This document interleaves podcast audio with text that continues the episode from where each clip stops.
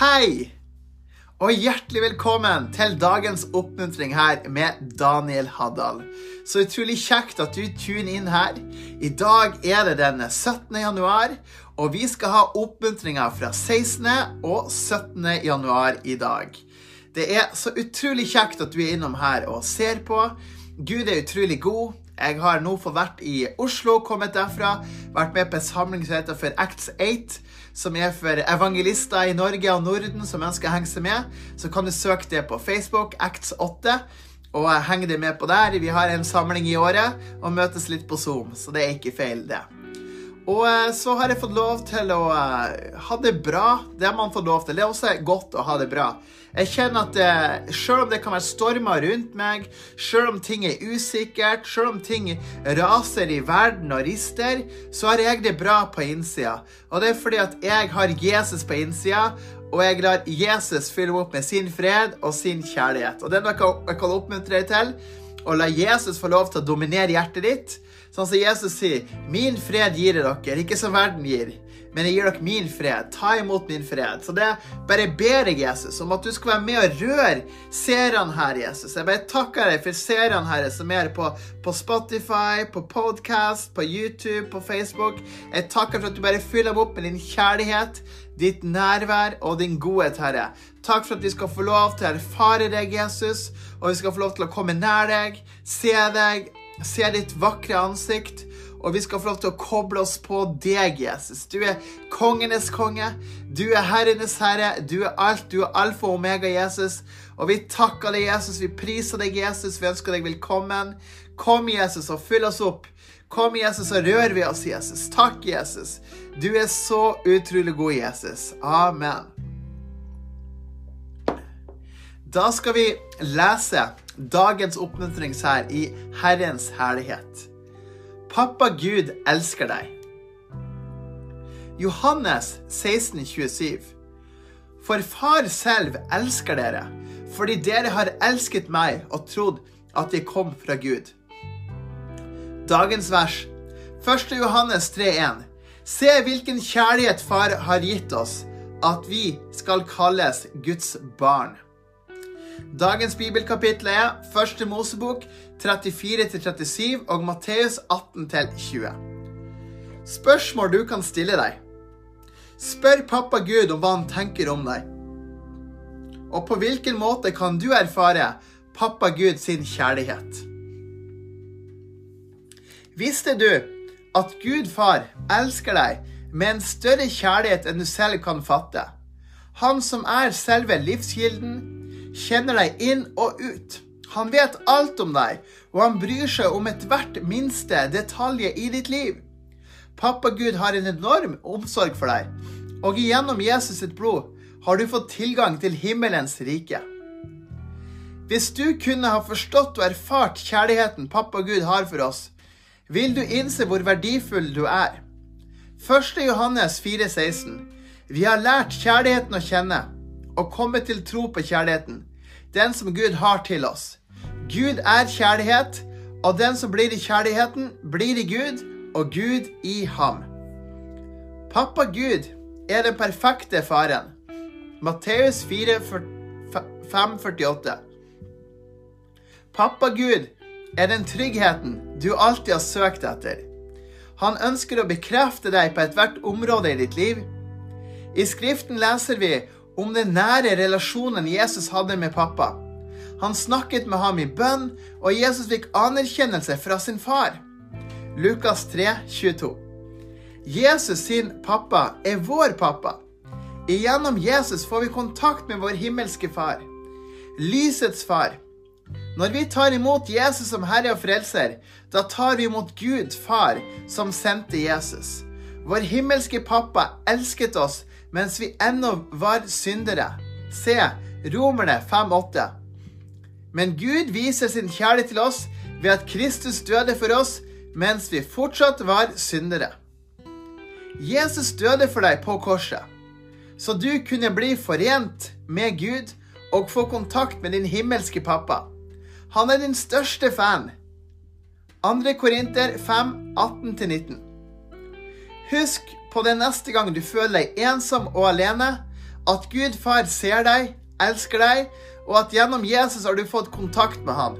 Kall på ham med hele ditt hjerte, og han vil røre ved deg. Ord fra Herren. Ta det her til deg som at det her er pappa Gud som taler direkte til deg. Mitt kjære, elskede barn. Jeg elsker deg mer enn ord kan si. Jeg er din himmelske far. Jeg elsker at du bruker tid med meg. Har du det vanskelig, kom til meg med det, og jeg vil gi deg hvile. Jeg er ikke sint på deg. Jeg elsker deg, og jeg vil være nær deg. Jeg sendte min sønn Jesus for å dø for deg, slik at du kunne komme og ha fellesskap med meg.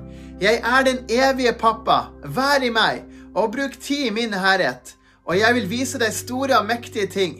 Jeg elsker deg. Hils din største beundrer, din himmelske pappa. Amen.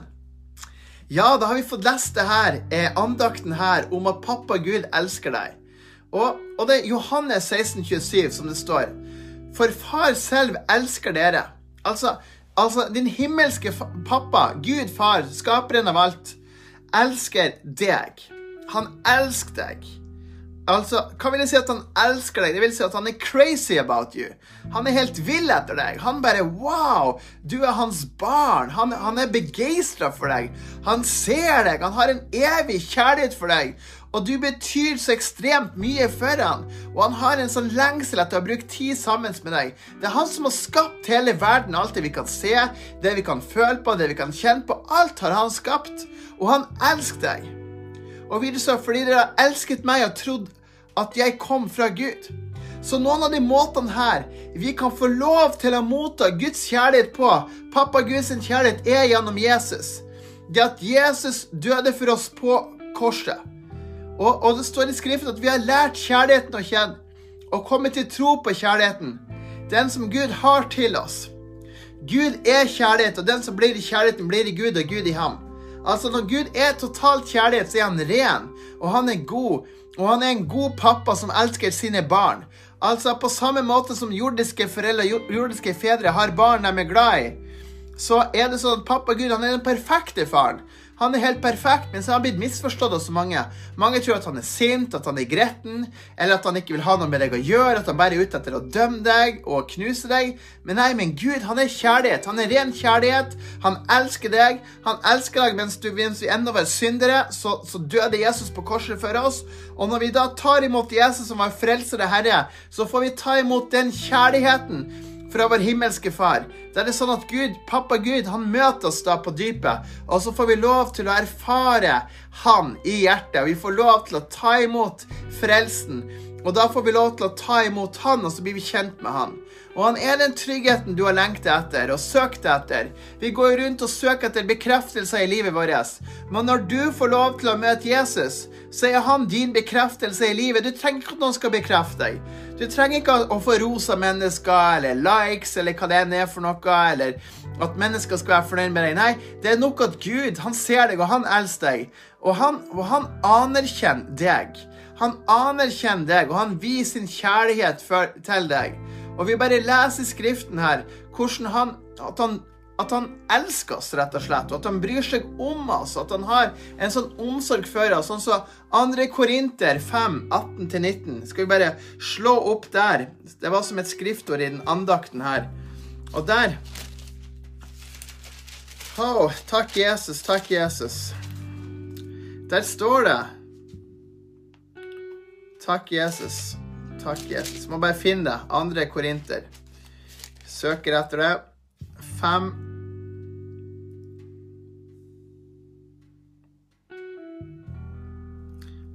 til 19. Derfor, fra nå av kjenner vi ingen etter det naturlige. Selv om vi har kjent Kristus etter det naturlige, kjenner vi ham ikke lenger på den måten. Og om noen er i Kristus, er han en ny skapning. Det gamle er forbi. Se, alt er blitt nytt. Men alt dette er av Gud han som forlikte oss med seg selv ved Jesus Kristus og ga oss forlikelsens tjeneste. For Gud var i Kristus og forlikte verden med seg selv, så han ikke tilregner dem overtredelsene deres og har lagt forlikelsens ord ned i oss. Så gjennom Jesus har vi kommet til pappa Gud, vi har blitt forlikt med han. Det er nøkkel, det er essensielt, det er viktig, og det er noe vi kan ta til oss og i tro, rett og slett. Det at Gud elsker så innmari mye. Så bare begynn å bruke tid med Gud. Begynn å si 'Pappa Gud, jeg vil bli kjent med deg'. Begynn å si 'Pappa Gud, jeg vil erfare deg'. Jeg ønsker å få møte med deg. Så vil han røre ved deg. Og min bønn er, så kjære Jesus, jeg ber Herre om at de som hører på det her nå, er at de skal erfare din kjærlighet. Far, jeg bare takker deg, min himmelske pappa, at de lytterne her skal få lov å kjenne deg som sin himmelske pappa i livet sitt. At de skal få lov til å møte deg på dypet, bli kjent med din kjærlighet, bli kjent med din nåde, og få lov til å vite at de er så høyt elska av deg. Ha, jeg takker deg for det.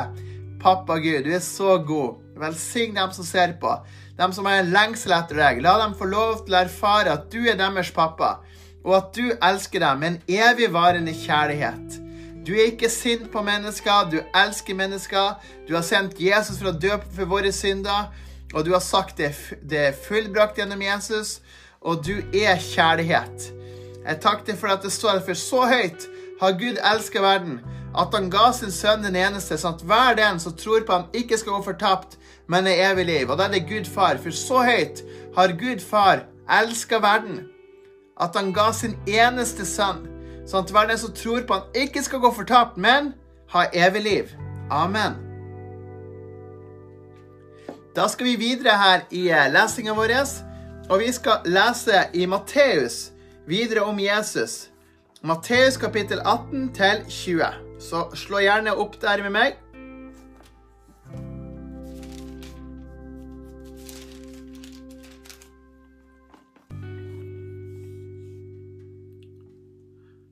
Matteus kapittel 18. Hvem er størst?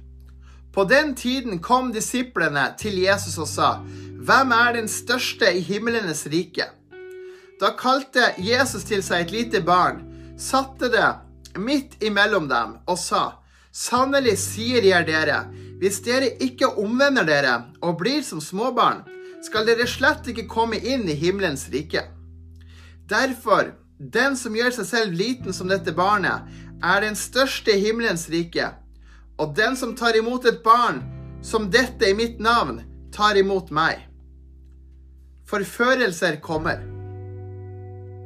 Men den som fører en av disse små som tror på meg, til fall, for ham ville det vært bedre om en kvernestein ble hengt rundt halsen hans, og han ble druknet i havets dyp ved verden på grunn av forførelser. For forførelser må komme, men ved det mennesket forførelsen kommer fra. Hvis din hånd eller fot fører deg til fall, så hogg den av og kast den fra deg. Det er bedre for deg å gå lam eller vannfør inn til livet enn å ha to hender eller to føtter og bli kastet i den evige ild. Og hvis ditt øye fører deg til fall, så riv det ut og kast det fra deg. Det er bedre for deg å gå inn til livet med ett øye enn å ha to øyne og bli kastet i helvetes ild. Se til at dere ikke forakter en av disse små, for jeg sier dere, i himmelen ser englene deres alltid ansiktet til min far som er i himmelen. For menneskesønnen er kommet for å frelse det som var fortapt. Lignelsen om den bortkomne sauen. Hva mener dere? Hvis en mann har 100 sauer, og en av dem går seg vill, forlater han ikke da de 99 og går opp i fjellene for å lete etter den som er godt vill? Og hvis han skulle finne den, sannelig sier jeg dere, han gleder seg mer over den ene sauen enn over de 99 som ikke var godt vill. På samme måte er det heller ikke deres himmelske Fars vilje at den eneste av disse små skulle gå fortapt. Hvordan behandle en bror som synder? Hvis din bror synder mot deg, gå da og irettesett ham, som en sak bare mellom deg og ham. Hvis han hører på deg, har du vunnet din bror. Dersom han ikke vil høre, skal du ta med deg en eller to til. For med utsagn fra to eller tre vitner skal hvert ord stå fast. Hvis han nekter å høre på dem, så si det til menigheten. Om han til og med nekter å høre på menigheten, skal han være som en hedning og en toller for deg. Sannelig sier jeg dere, det dere binder på jorden, skal være bundet i himmelen. Og det dere løser på jorden, skal være løst i himmelen. Igjen sier jeg dere, Om to av dere på jorden blir enige om noe de vil be om, skal det bli gjort for dem av min far i himmelen. For hvor to eller tre er samlet i mitt navn, der er jeg midt iblant dem. Lignelsen om tjeneren som ikke ville tilgi. Da kom Peter til ham og sa, Herre, hvor ofte skal min bror kunne synde mot meg, og jeg tilgi ham? Så mye som sju ganger? Jesus svarte ham, Ikke så mye som sju ganger, sier jeg deg, men 70 ganger sju. Derfor er himmelens rike og ligner med en konge som ville gjøre opp regnskap med tjenerne sine. Da han hadde begynt å gjøre opp regnskapet, ble det ført til ham en som skyldte han 10 000 talenter. Men da han ikke hadde noe å betale med, befalte Hans Herre at han skulle bli solgt sammen med sin kone og barn og alt han eide for at gjelden skulle betales. Da falt tjeneren ned for ham og sa, Herre, ha tålmodighet med meg, så skal jeg betale alt sammen. Da ble tjeneren ha, eh, Da ble tjenerens herre grepet av dyp medlidenhet. Han slapp ham fri og etterga gjelden. Men denne tjeneren gikk ut og fant en av sine medtjenere som skyldte ham 100 denarer. Han grep ham tok strupetak på ham og sa, Betal meg det du skylder. Da falt medtjeneren ned for føttene hans, tryglet ham og sa, Ha tålmodighet med meg, og jeg skal betale deg alt sammen. Men han ville ikke, og han gikk og fikk kastet ham i fengsel. Der skulle han være til han kunne betale gjelden. Da medtjenerne hans så hva som skjedde, ble de fulle av sorg, og de kom og fortalte sin herre alt som hadde hendt. Etter at Hans Herre hadde kalt ham til seg, sa han, Du onde tjener, jeg etterga deg hele gjelden fordi du ba meg om det. Burde ikke du også ha barmhjertighet med din medtjener, slik jeg forbarmet meg over deg? Og Hans Herre ble rasende og overlot ham til å bli mishandlet av fangevokterne, helt til han kunne betale alt det han skyldte. Slik skal også min himmelske Far gjøre med hver og en av dere, som ikke av sitt hjerte tilgir sin bror hans overtredelser. Her leser vi rett og slett i kapittel 18 at, eh, skal, at siden vi får tilgivelse av Gud for syndene våre som har gjort gærne ting, så må vi tilgi andre. Og hvis vi nekter å tilgi dem, så vil heller ikke Gud tilgi oss våre overtredelser. Og det er ganske alvorlig å ta til seg det og, og skjønne det. Og så har vi lignet som den bortkomne sauen, der det står at, at hvis noen hadde 100 sauer og, og mista én, så vil han forlate 90, 99, og så vil han hente den sauen. Og når han finner den sauen, så blir han, så blir han mer glad for å finne den sauen enn for de 99 han forlot der og da. Og, og det er liksom Guds hjerte. Altså, når, når, når en, eh, et menneske, er kommet eh, til tro så, så, er det alltid glede. Det står her at i himmelen ser englene deres alltid ansiktet til min far som er i himmelen. For menneskesønnen er kommet for å frelse som var fortapt.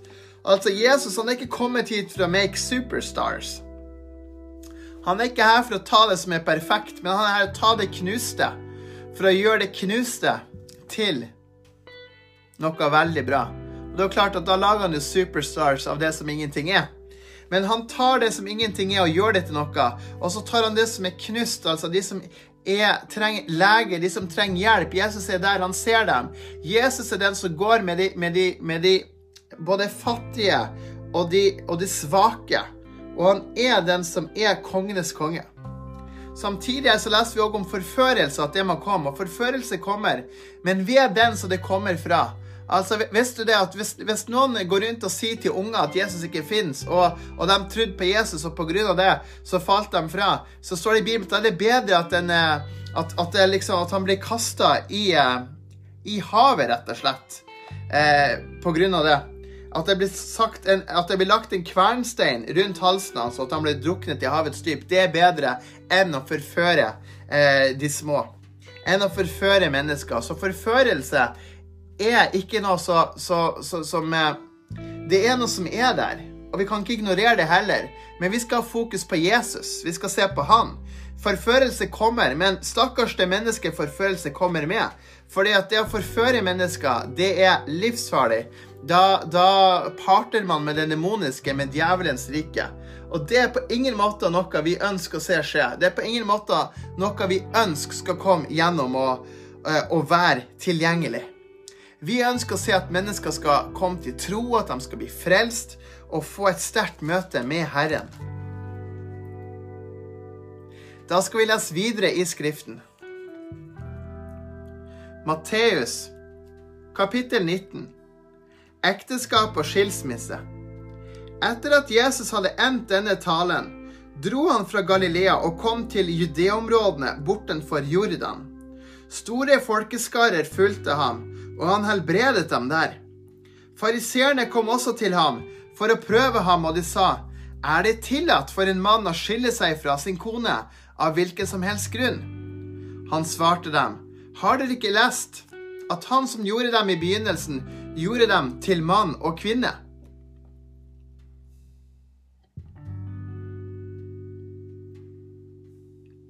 Og sa, Derfor skal mannen forlate sin far og sin mor og være knyttet til sin kone, og de to skal være én kropp. Så er det ikke lenger to, men én kropp. Derfor, det Gud har sammenføyd, skal ikke noe menneske skille. Da sa de til ham, Hvorfor ga da Moses befaling om å gi kona et skilsmissebrev for å sende henne bort?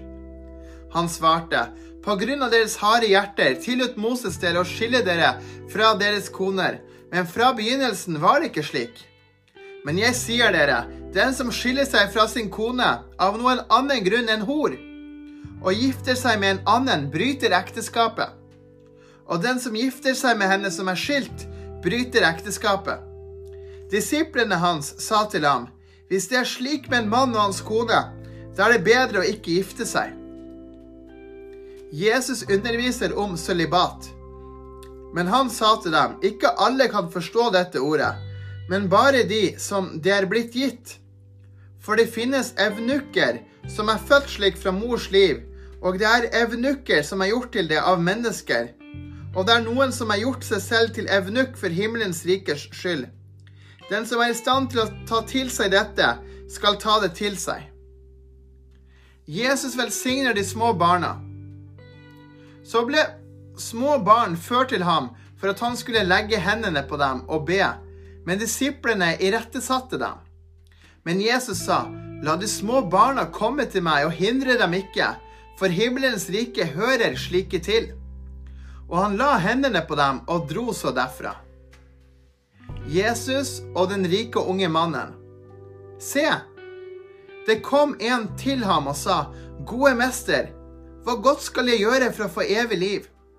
Da sa han til ham, Hvorfor kaller du meg god?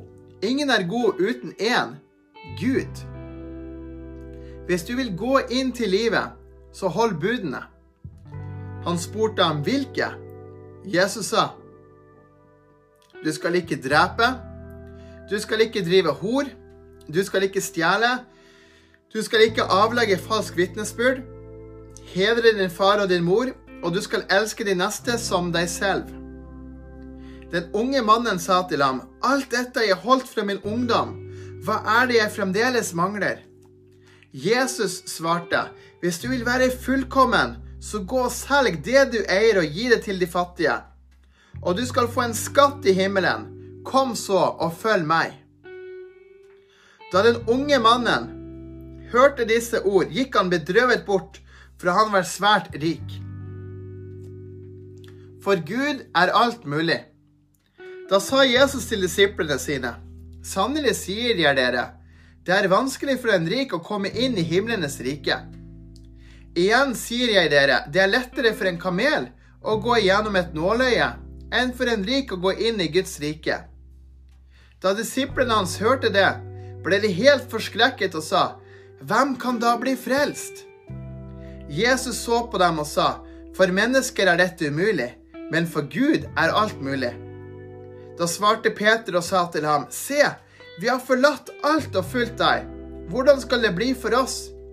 Jesus sa til dem, Sannelig, sier jeg dere, i gjenfødelsen Når menneskesønnen sitter på tronen i sin herlighet, skal også dere som har fulgt meg, sitte på tolv troner og dømme Israels tolv stammer. Hver den som har forlatt hus eller brødre eller søstre eller far eller mor eller kone eller barn eller åkrer for mitt navns skyld, skal få det hundre ganger igjen og arve evig liv. Men mange som er de første, skal bli de siste, og de siste de første.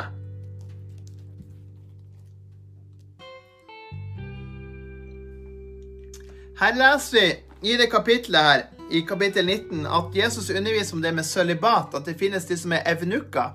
At de er født evenukk, eller at de velger å bli det for himmelens rike. Og en evenukk er en som velger å ikke gifte seg, men å være singel for alltid. Og da lev eh, gjerne i tjenestefigur på den måten. Eh, så det står jo her at det fins evenukker som er født sånn fra mors liv, at de har ikke noe begjær etter eh, gifting.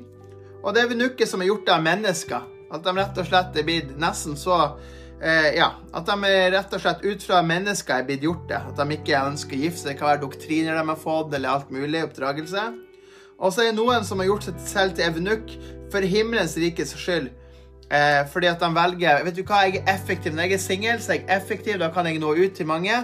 Og derfor velger de da å være evenukk og ikke gifte seg. Og så leser vi òg at Jesus velsigner de små barna. og Det er fordi at de små barna er en velsignelse. Altså, små barn tilhører Guds rike. Altså, De er skapt i Guds bilde, de små barna. Og, det, og, Jesus sier her så fint La de små barna komme til meg, og hindre dem ikke, for himmelens rike hører dem til. Og så la han hendene på dem og velsigne dem. Så derfor er det så viktig at vi tar og velsigner eh, barn, da, rett og slett. Med at vi, at vi ikke nedprioriterer det, sånn så ofte i kirke og menighet og sånn, så er det sånn at det er bare unger, la dem bare herje rundt. Og, eh, eller at det, det, er liksom ikke noe, noe bra opplegg for dem. Eller generelt at man bare tenker at det er bare barn, de kan komme til Jesus senere. Men nei, barna tilhører Guds rike. Og de er så invitert til å komme dit. Og det er når vi må huske på at Jesus sier at hindre dem ikke. Vi må ikke hindre barna til å komme til Jesus. Så det gjelder Jesus òg om den unge eh, Jesus og den, ringe, den, rike unge mannen, altså den mannen som var veldig rik og hadde masse penger, og lurte på hva han skulle gjøre for å få evig liv. Og Jesus sa at 'selg alt du eier, og følg meg'.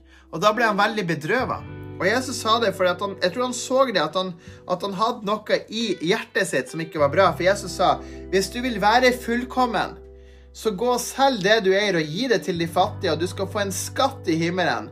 Kom så og følg meg. Altså, han skal få en skatt i himmelen hvis han velger å følge Jesus. Og, og, og, ofte så kan det være sånn i, i våre liv og folks liv er at det materialistiske eier oss nesten. At det er liksom det som er vår standard, og så blir det en avgud, og så blir det en hindring for velsignelse. Å være velsigna er ikke feil. Gud ønsker å velsigne oss. Han vil vi skal ha det bra økonomisk, helsemessig, at vi skal være friske, at vi skal være hode og ikke hale, og at vi skal være et lys for nasjoner. Men han vil ikke at noe skal eie oss. Og det er jo klart at alt det vi har her, er, jo, er det jo på lån fra Gud. For naken er vi kommet inn til verden, og naken forlater vi verden også. Altså vi, vi, vi kommer hit, vi lever et liv, vi dør, vi går ned i jorda, vi blir begravd, liksom. Kroppen vår, men ånden vår, sjela vår, går videre inn i evighet. Har vi Jesus som Herre i livet, så kommer vi inn til himmelen, til evig frelse og herlighet. Og har vi ikke Jesus som Herre i livet, så kommer vi dessverre til helvete, til evig dom, fortapelse. Og så blir man da kasta i ildsjøen på dommens dag. Og eh, på den tida der, og Det er jo ikke noe vi, vi ønsker. Så Jesus han ønsker jo at vi skal bli frelst. Og, og, frelse handler om å overgi seg til Jesus, og det gjør du ved å bekjenne han, at han er herre i ditt liv. Du sier 'Jesus er herre', du sier 'Jesus, jeg tar deg imot som herre', og så omvender du deg fra syndene dine og sier nei til synd og ja til han. Og på den måten så får du tilgivelse, og så man, eh, velger man å bli døpt i vann, og så vil man få Den hellige ånds gave. Og det er veien å gå. Og så er, har man fellesskap med Gud, og da vil også Den hellige ånd flytte på innsida av en, og så vil du være et tempel for Gud. Og dette er noe Gud ønsker, ønsker å gi deg. Og så sier Jesus også at de som følger Jesus, de som følger Jesus med hele hjertet sitt Han sier at hver den som har forlatt hus eller brødre, eller søstre eller far eller mor eller kone, eller barn eller åkre for mitt navns skyld, skal få det hundre ganger igjen.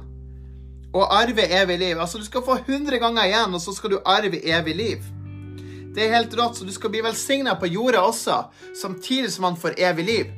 Så Derfor er det en kamp om det med Jesus og tro på Jesus. Derfor fienden vil ta alt det her med Jesus-tro ut av skolen. Han vil ikke at vi skal ha noe med Jesus å gjøre.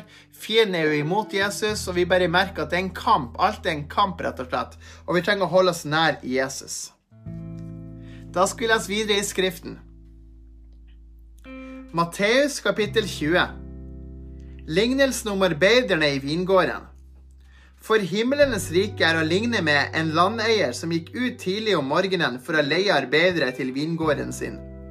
Da han var blitt enig med arbeiderne om en denar for dagen, sendte han dem inn i vingården. Da han gikk ut omkring den tredje time, så han andre som sto arbeidsledige på torget. Og han sa til dem, gå inn i vingården, dere også, og det som er rettferdig, vil jeg gi dere. Så gikk de. På ny gikk han ut, både ved den sjette og den niende time, og gjorde det samme. Omkring den ellevte time gikk han ut og fant andre som sto ledige, og sa til dem, Hvorfor har dere stått her ledige hele dagen? De svarte, Fordi ingen har leid oss. Han sa til dem, Gå inn i vingården, dere også, og det som er rettferdig, skal dere få. Da det ble kveld, sa eieren av vingården til forvalteren sin, Kall sammen arbeiderne og gi dem lønnen deres. Begynn med de siste og fortsett til de første. Da de som var blitt leid ved den ellevte time kom, fikk hver av dem en denar. Men da de første kom, trodde de at de skulle få mer, men de fikk også bare en denar hver. Da de hadde fått den, klaget de på landeieren og sa, disse siste har bare arbeidet i én time, og du stilte dem likt med oss som har båret dagens byrde og hete. Men han svarte en av dem, Venn, jeg gjør deg ingen urett. Ble ikke du enig med meg om én denar? Ta det som er ditt, og gå. Jeg vil gi denne siste det samme som deg. Er det ikke tillatt å gjøre som jeg vil med mitt eget? Eller er ditt øye ondt fordi jeg er god? Slik skal de siste bli de første, og de første de siste. For mange er kalt, men få er utvalgt. Jesus forutsier igjen sin død og oppstandelse. Da Jesus dro opp til Jerusalem, tok han de tolv disiplene til seg på veien og sa, Se, vi går opp til Jerusalem, og menneskesønnen skal bli overgitt til øverstepressene og til de skriftlærde, og de skal dømme ham til døden og overlate ham til folkeslagene for å bli hånet, pisket og korsfestet. Den tredje dagen skal han stå opp igjen. Storhet i tjeneste. Da kom mor til Sebedeus sønnene til ham med sønnene sine. Hun knelte ned for å be ham om noe. Han sa til henne, Hva vil du? Hun svarte, Si at disse to sønnene mine kan få sitte, den ene ved din høyre side og den andre ved den venstre side, i ditt rike. Men Jesus svarte, Dere vet ikke hva dere ber om. Er dere i stand til å drikke det begeret jeg skal drikke, og til å bli døpt med den dåp jeg skal døpes med? De sa til ham, ja, det er vi. Så sa han til dem, dere skal sannelig drikke mitt beger og bli døpt med den dåp jeg døpes med. Men å sitte ved min høyre eller venstre side er ikke noe jeg kan gi. Det er for dem som min far har beredt det. Da de hørte det, ble de svært sinte på de to brødrene. Men Jesus kalte dem til seg og sa, dere vet at herskerne over folkeslagene har fullt herredomme over dem, og de som er store, utøver makt over dem. Men slik skal det ikke være blant dere. Den som vil være stor blant dere, skal være deres tjener. Og den som vil være den, den første blant dere, skal være deres slave. Slik menneskesønnen ikke kom for å la seg tjene, men for selv å tjene og gi sitt liv som løsepenge for mange. To blinde menn får synet. Da de gikk ut fra Jeriko, fulgte en stor folkemengde etter ham. Se, to blinde menn satt ved veien. Da de hørte at Jesus gikk forbi, ropte de og sa, Miskunn deg over oss, Herre, Davids sønn! Da truet folkemengden dem og sa at de skulle ti stille. Men de ropte enda høyere. Miskunn deg over oss, Herre, Davids sønn! Da stanset Jesus, og han kalte på dem og sa, hva vil dere at jeg skal gjøre for dere? De sa til ham, Herre, at våre øyne må bli åpnet. Jesus fikk dyp medlidenhet med dem og rørte ved øynene deres, og straks fikk deres øyne synet igjen, og de fulgte ham. Amen. Her leser vi i Skriften at Jesus helbreda blinde så de fikk se. Det er helt rått. Blinde fikk synet tilbake. Og, og, Jesus indikerer her med det at det skal være sånn at den som vil være den, den første blant dere, skal være deres slave. Og at mennesket kommer ikke, ikke for å la seg tjene, men for selv å tjene og gi sitt liv som løsepenge. Så Jesus sier at vi skal være tjenere. Vi skal være med og tjene mennesker rundt oss. Vi skal ikke herske over folk. Vi skal ikke bruke hersketeknikker eller makt, men vi skal være tjenere. Og Jesus han kom til jorda for å tjene oss. Han gjorde det. Han døde på korset. Han levde et perfekt liv for deg og meg. Han tok på seg all verdens synd, all verdens dom. Alt det vi har gjort feil i livet, tok han på seg. Og han valgte det. Og han er kjærlighet. Og han er den som elsker deg med en evigvarende kjærlighet. Han er bare Han er kongenes konge. Og han er med deg. Og han vil at du skal få lov til å erfare han og kjenne hans nærhet og hans kjærlighet. Så vær velsigna med det og husk at Jesus elsker med en evigvarende kjærlighet på en sånn utrolig dyp måte. Han ser deg, han er, han er med deg, han vil ta vare på deg, og han elsker deg så utrolig høyt. Da skal vi lese videre, og vi skal gå over til første Mosebok og lese i Gamle Testamentet skal inn der. Det blir utrolig spennende. Det er alltid fint å lese i Skriften. Dere vet at hele Skriften er viktig til oppbyggelse, til oppmuntring, til, til kraft, og det gir oss noe. Så vi skal fortsette å lese litt her i forhold til Jakobs barn. Vi skal lese i forhold til det med, eh, med, med Dina, hva som skjedde med henne. Hun opplevde å bli voldtatt, og det likte jo ikke barna til Jakob. Og vi skal lese videre om eh, Jakob som drar til Betel og får opplevelser med Gud. Vi skal se på Isaks slekt, og så skal vi komme til Josef og de drømmene han har. Så det her blir fint, det er spennende. Og jeg gjentar at hvis du følger denne sendinga her, den podkasten, og at du eh, hører på det her daglig, så vil du i løpet av det året 2021 ha lest hele Bibelen. Og, og det å lese Guds ord, det er det er det beste vi kan gjøre, og det er viktig. Det er mat for vår sjel. Vi trenger det hver dag. Vi trenger å lese hele Skriften, både, eh, både fra Det gamle testamentet, Det nye testamentet. Amen til det. Yes, vi trenger det. Og ja, det er som honning for vår sjel, rett og slett. Når vi får lov til å ta det til oss.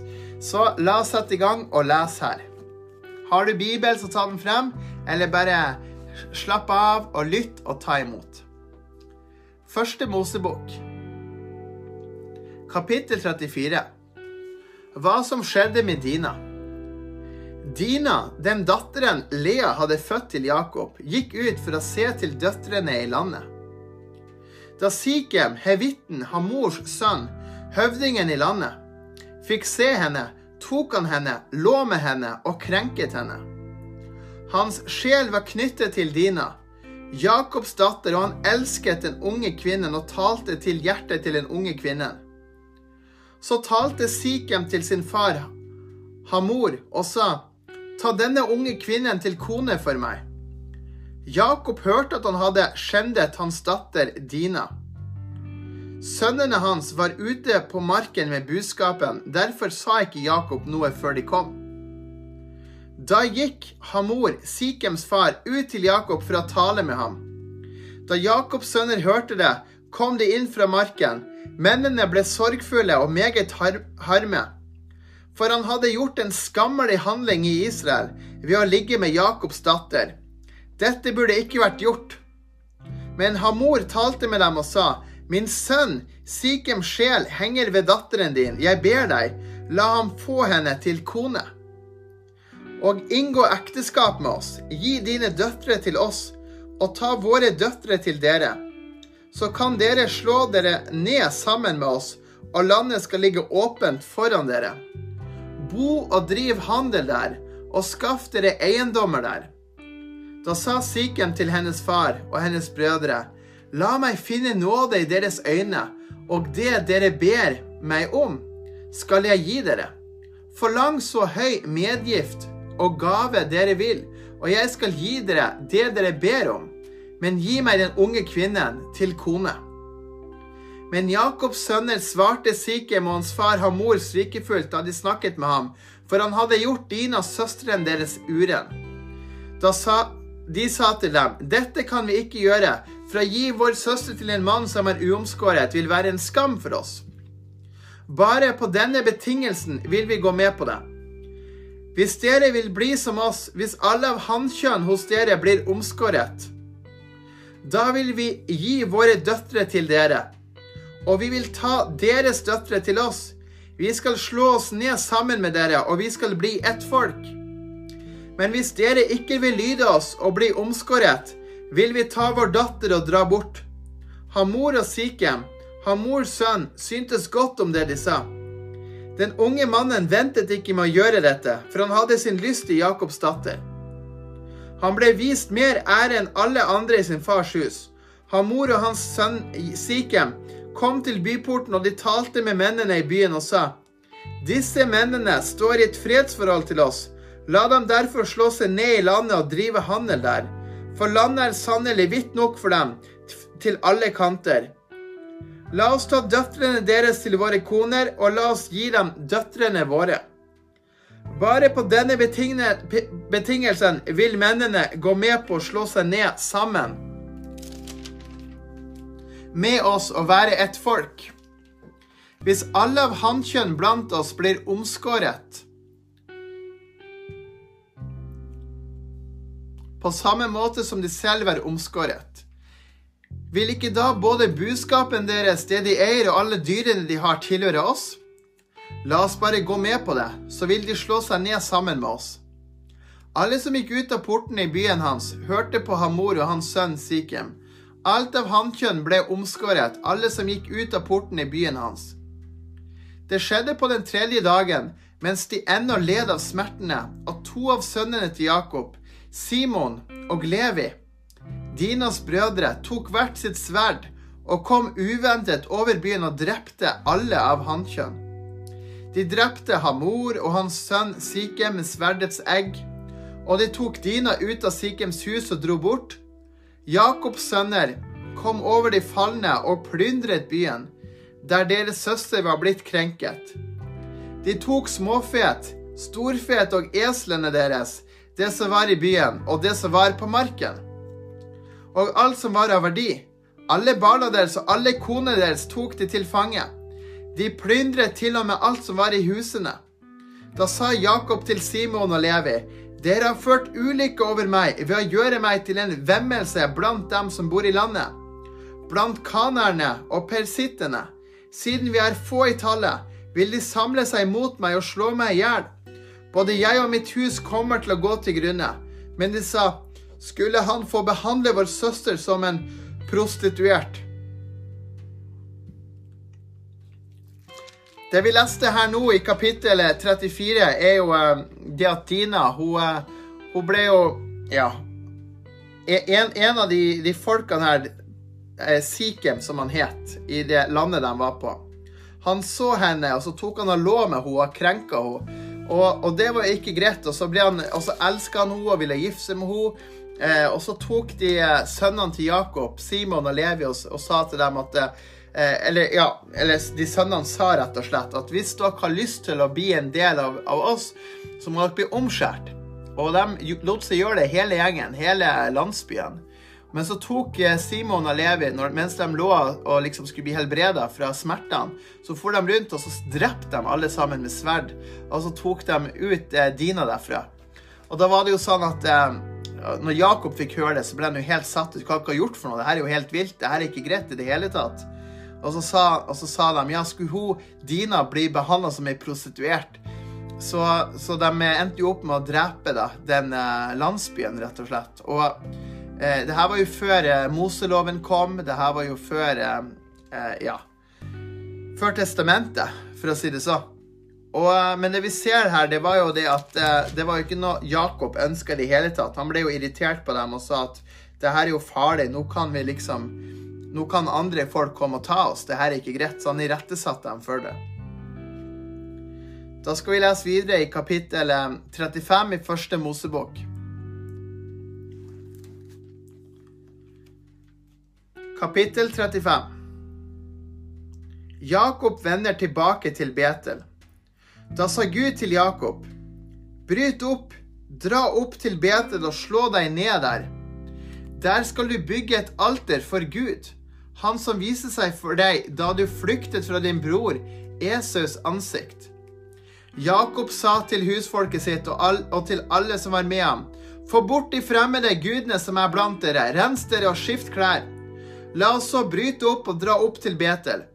Der vil jeg lage et alter for Gud, han som svarte meg på min trengselsdag, og som har vært med meg på den veien jeg har gått. Så ga de Jakob alle de fremmede gudene de hadde hos seg, og ringene de hadde i ørene sine. Jakob gjemte alt dette under terebintetreet ved Sikem. Så dro de av sted, og det skjedde at frykt, kom, at frykt fra Gud kom over byene som lå omkring dem, og de forfulgte ikke Jakobs sønner. Så kom Jakob til Lus, det er Betel, som ligger i Kanans land, han og hele folket som var med ham. Han bygde et alter der og kalte stedet El Betel. For der åpenbarte Gud seg for ham da han flyktet fra sin brors ansikt. Debora, Rebekkas amme, døde, og hun ble begravet nedenfor Betel under terebintertreet. Det ble kalt med navnet Alon Bakut. Da Jakob kom fra Padan Aram, viste Gud seg for ham igjen, og han velsignet ham. Gud sa til ham, Ditt navn er Jakob, ditt navn skal ikke lenger kalles Jakob, men nå skal Israel være ditt navn. Så kalte han ham Israel. Gud sa til ham, Jeg er din Gud, den allmektige. Vær fruktbar og bli mange. Et folk og en skare av folkeslag skal stamme fra deg, og konger skal utgå fra ditt liv. Landet jeg ga til Abraham og Isak, det gir jeg deg, og til dine etterkommere gir jeg dette landet. Så for Gud opp fra ham på det stedet hvor han hadde talt med ham. Jakob satte opp en minnestøtte på det stedet hvor han hadde talt med ham, en minnestøtte av stein. Han øste ut drikkeoffer på den og helte olje over den. Stedet der Gud talte med ham, kalte Jakob med navnet Betel. Rakel dør. Så dro de bort fra Betel. Da de bare var et lite stykke fra Efrat, skulle Rakel føde, og hun hadde en hard fødsel.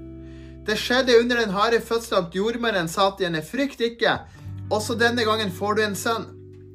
Det skjedde idet sjelen hennes forlot henne, for hun døde at hun ga ham navnet Benoni, som vil si min smertes sønn. Men hans far kalte ham Benjamin, som vil si min høyre hånds sønn. Så døde Rakel og ble begravd på veien til Efrat, det er Betlehem. Jakob reiste en minnestøtte på graven hennes, og den er minnestøtten på Rakels grav til denne dag. Israel dro så videre og slo opp teltet sitt bortenfor Migdal Edar. Mens Israel bodde i det landet, skjedde det at Ruben gikk og lå med Bila, sin fars medhustru, og Israel fikk høre om det. Jakobs tolv sønner. Jakobs sønner var tolv i tallet. Leas sønner var Ruben, Jakobs førstefødte, og Simeon, Levi, Juda, Isakar og Sebulon. Rakels sønner var Josef og Benjamin. Sønnene til Bilha, Rakels slavekvinne, var Dan og Naftali. Sønnene til Silpa, Leas slavekvinne, var Gad og Asher. Dette var Jakobs sønner som ble født ham i Padan Aram, Mesopotamia. Isak dør. Så kom Jakob til sin far Isak i Mamre, ved Kiryat Arba. Det er Hebron, hvor Abraham og Isak hadde bodd. Isaks levedager var nå 180 år. Så utdannet Isak og døde, og han ble forenet med sitt folk, gammel og mett av dager. Hans sønner Esau og Jakob begravde ham. Amen. Her leser vi jo at, at, at Jakob møtte Gud og fikk et sterkt møte med han, og at Gud sa han ditt navn skal ikke lenger være Jakob, men Israel, og at han ville gi han det landet her. Eh, og, at det skulle være til velsignelse, og at han skulle bli fruktbar og bli mange. Så sier Gud, landet jeg ga til Abraham og Isak, det gir jeg deg, og til dine etterkommere gir jeg dette landet. Og det landet er jo Israel i dag. Det er jo der staten Israel er. Og vi ser jo hvordan Israel er en velsignelse for alt og alle, og hvordan det er en velsignelse å velsigne Israel. Det står òg i Skrift at den som forbanner eh, Israel, skal bli forbannet. Den som velsigner Israel, skal bli velsignet. Og vi, og vi ser òg at eh, Jakob fikk det nye navnet Israel. Og som da er liksom den som kjemper eh, med Gud og vinner. Så, så, det er liksom en helt rå identitet som han fikk, da. Og vi så da at hans kone, som han elska Jakob elska jo Rakel av alle, liksom. Hun var jo liksom hans hjerteperle. Men hun, eh, hun døde under fødselen, da. Og så fikk hun da Benjamin. Og Benjamin og Josef var jo Jakob sine yndlingssønner som han hadde, som han tok vare på. Og, og så døde jo, jo eh, Isak, pappaen til Jakob, han var 180 år gammel. Og da tok jo eh, broren hans Esau og Jakob og begravde han. Og det vil jo si at Esau og Jakob hadde kontakt. De var venner, liksom. Esau var jo sint på Jakob for han hadde tatt fra han eh, velsignelsen.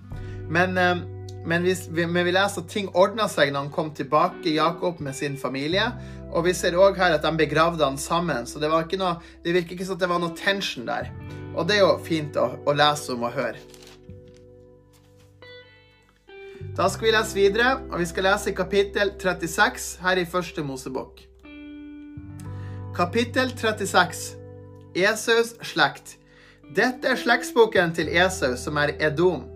Esau tok seg koner blant Kanans døtre, Ada, hetitten Elons datter, og Oholibama, som var datter av Ana, hevitten Sibons datter, og Basmat, som var datter av Ishmael, Nabajots søster Ada fødte Esaus sønnen Elifas, og Basmat fødte ham Reul. Oholibama fødte Jehush, Jalem og Kora. Dette var Esaus sønner som ble født til ham i Kanans land. Så tok Esau sine koner, sine sønner, sine døtre og alle dem som var i hans hus, buskapen sin og alle dyrene og alt han eide som han hadde skaffet seg i Kanans land, og dro til et land borte fra sin bror Jakobs ansikt. For, for det de rådde over, var for mye til at de kunne bo sammen. Landet der de bodde som fremmede, kunne ikke livnære dem av buskapen deres. Så bodde Esau i Seierfjellet. Esau er Edom. Dette er slektsboken til Esau, far til edomittene i Seirfjellet. Dette var navnet på Esaus sønner. Elifas, som var sønn av Esaus kone Ada, og Rehuel, som var sønn av Esaus kone Basmat. Elifas, sønner av Teman, Omar, Sefo, Gatam og Kenas. Timna var medestruen til Elifas, Esøs sønn, og hun fødte Amelek til Elifas. Dette var sønnene til Ada, Esøs kone. Disse var Rehuls sønner. Nahat, Sera, Shamma og Missa. Dette var sønnene til Esøs kone Basmat. Disse var sønnene til Esøs kone Oholibama, som var datter av Ana, Sibons datter. Hun fødte Jehush, Jal, Jalam og Kora til Esau. Edoms høvdinger. Disse var høvdingene blant Esaus sønner. Sønnene til Elifas, Esaus førstefødte sønn, var høvdingen Teman høvdingen Omar, høvdingen Sefo, høvdingen Kenas, høvdingen Kora, høvdingen Gatam og høvdingen Amalek. Disse var høvdingene som nedstammet fra Elifas i Edoms land. De var sønnene til Ada. Disse var sønnene til Reuel, Esaus sønn. Høvdingen Nahat, høvdingen Sera, høvdingen Shamma og høvdingen Missa. Disse var høvdingene som var nedstammet fra Reul i Edoms land. Disse var sønnene til Basmat, Esus kone. Disse var sønnene til Oholibama, Esus kone. Høvdingen Jehush, høvdingen Jalam og høvdingen Kora. Disse var høvdinger som nedstammet fra Oholibama, Esaus kone, Anas datter. Disse var sønnene til Esau, som er Edom, og disse var høvdingene deres.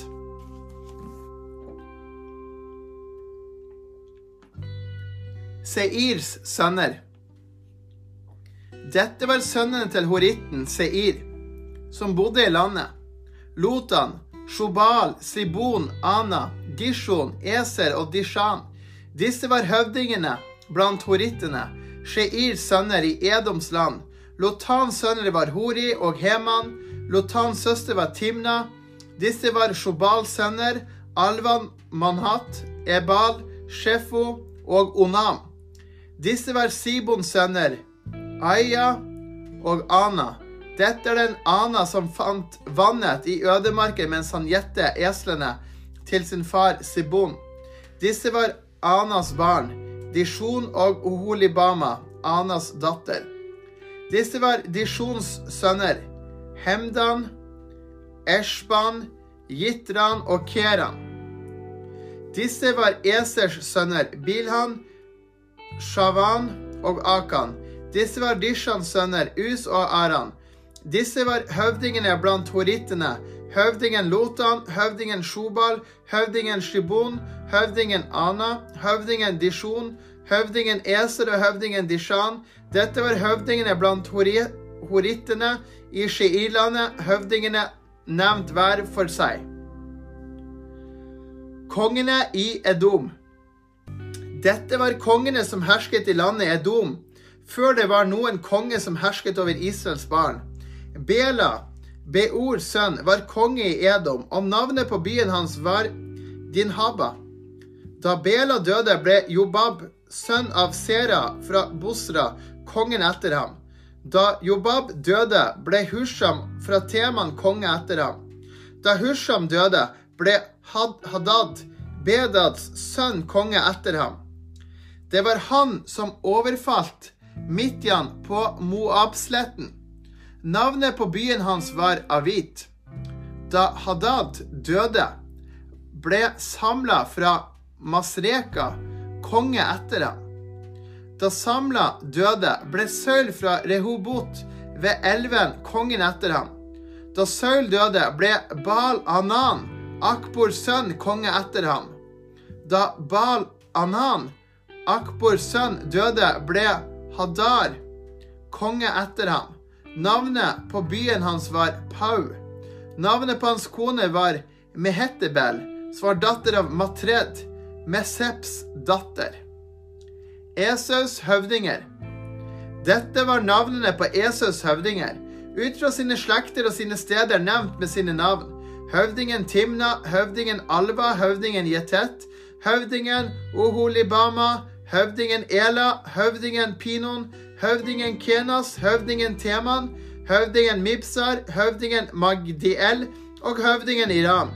Disse var høvdingene i Edom etter bostedene sine i det landet de eide. Esau var far til edomittene. Amen. Så her leser vi om Esau sine, sin arv og konger og sønner og alt det der. Og det er jo alltid fascinerende. Det var utrolig mange navn vi leste her. Kjære vene. Da skal vi videre til um, kapittel 37 her i um, første Mosebok og lese om uh, Josef. Hans drømmer og storhet og det som skjedde. Josef er jo essensielt. og Det var en profeti som ble gitt til Abraham om at hans folk skulle bli tatt til Egypt og være slaver der i 400 år. Og så skulle de bli fridd ut, og så skulle de tilbake til, til, til landet, til Israels land. Og, og, nå ser vi at måten det skjedde på at de kom inn i Egypt, var på følgende måte. Og det er det vi begynner på nå. Hvordan kom israelfolket inn i Egypt? Hva skjedde her? Og det vi leser om videre her, er jo en historie på over 400 år, når vi går gjennom alt her. Så det er fascinerende, spennende og veldig Veldig sterkt. Kapittel 37 Josefs drømmer om storhet. Jakob bodde i det landet der hans far hadde levd som fremmed i Kanans land. Dette er Jakobs slektbok.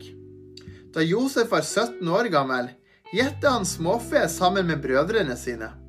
Gutten var sammen med sønnene til Bilha og sønnene til Silpa, sin fars koner. og alt det onde han hørte om dem, fortalte Josef til sin far. Israel elsket Josef mer enn alle sine barn, for han var sønnen han hadde fått i sin alderdom. Til ham fikk han lagd en fotsid og langermet kjortel.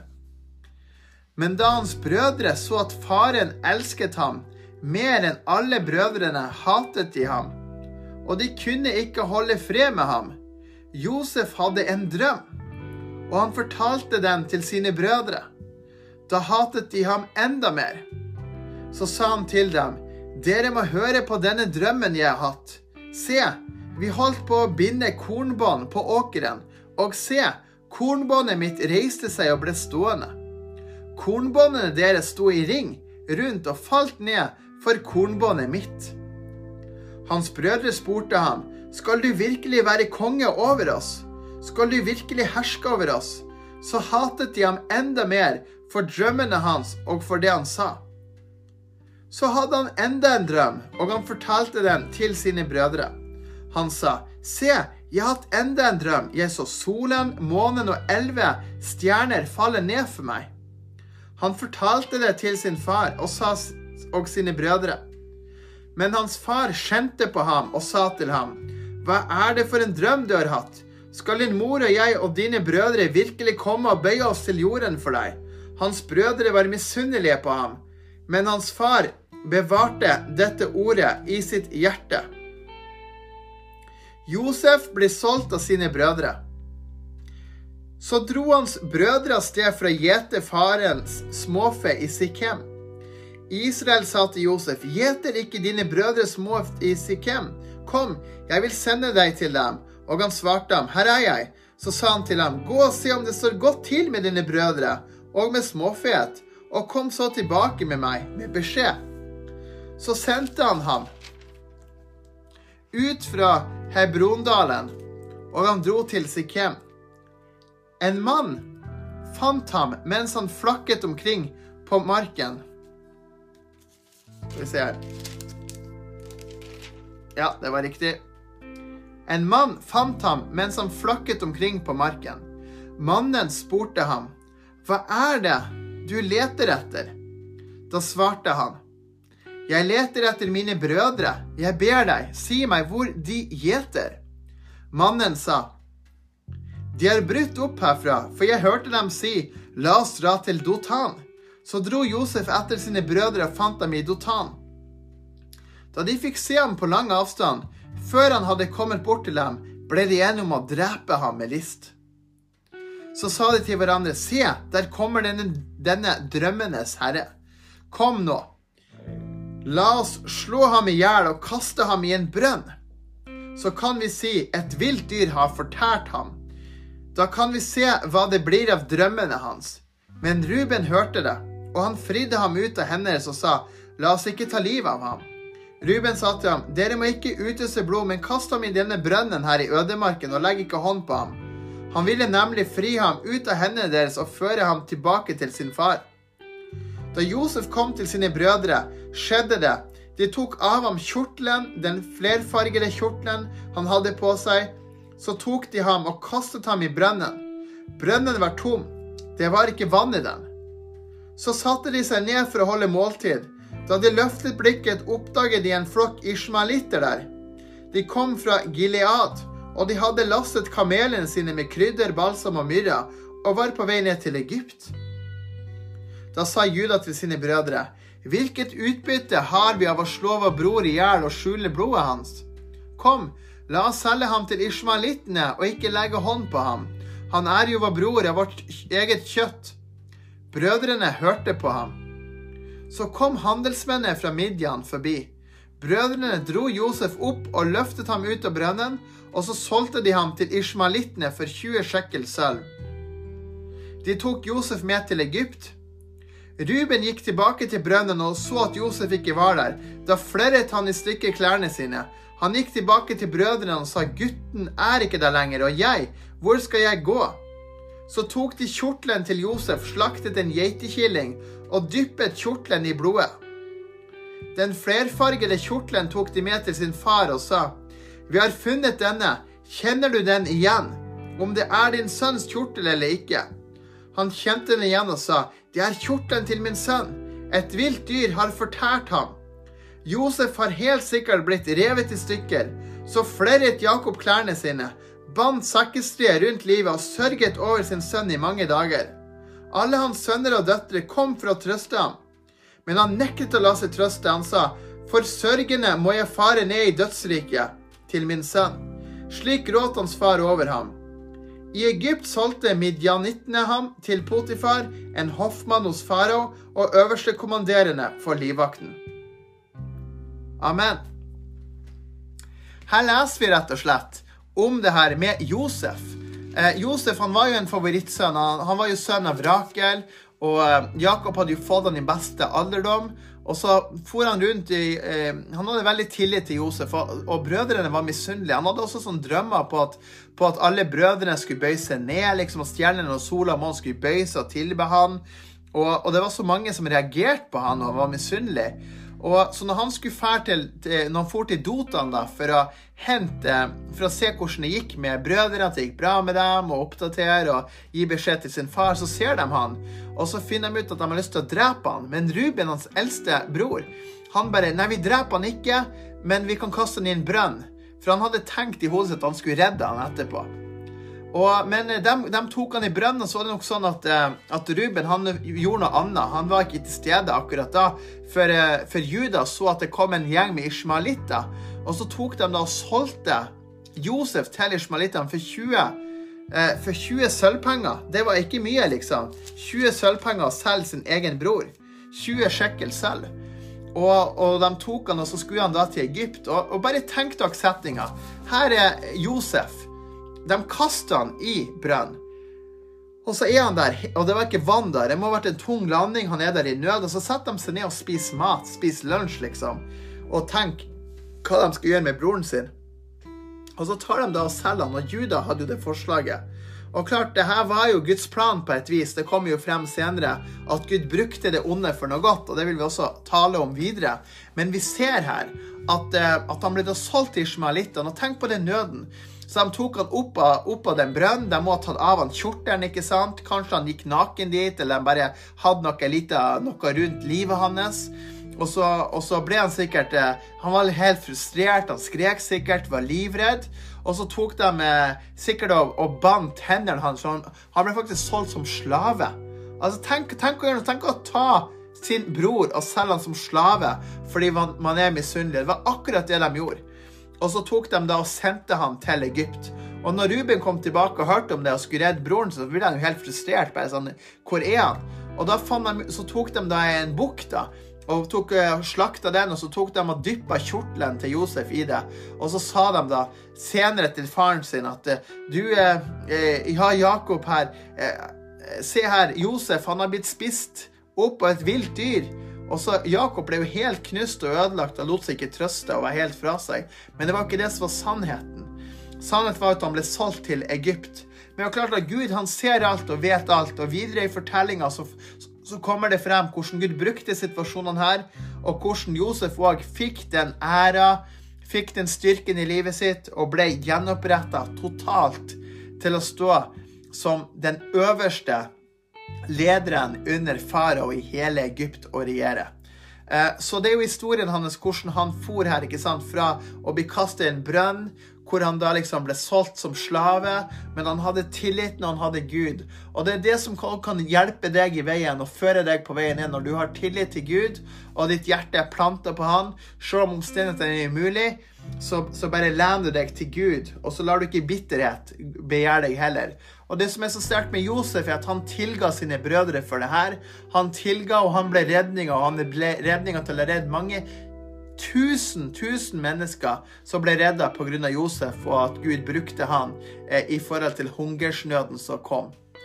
Essensielt og sterkt. Så ja, så igjen, tusen takk for at du hørte på den podkasten her. I dag så hadde vi både 16. og 17. januar i lag, så det ble en ekstra lang eh, eh, lang podkast, men eh, vær med i morgen hør neste skal vi lese da. Vi fortsetter videre på temaet i forhold til det med pappa Gud, så det blir bra. Og så ønsker jeg en virkelig velsigna dag videre. Gud er med deg, han ser deg, og ønsker du å eh, Ønsker du å sjekke ut denne podkasten så finner du den på Spotify. Da bare søker du på Spotify og skriver inn 'Herrens herlighet', Daniel Haddam. Og ønsker du å lese om det her, så går du også inn på kingdomlifestyle.org, og så klikker du på andakt, så kommer det her opp. Og så kan du òg gå inn på YouTube, Daniel Haddal, og se det der. Og gjerne del det med andre også. Del linkene med andre, så andre kan få lov til å høre og bli oppmuntra i forhold til eh, bibelundervisning og oppmuntringer.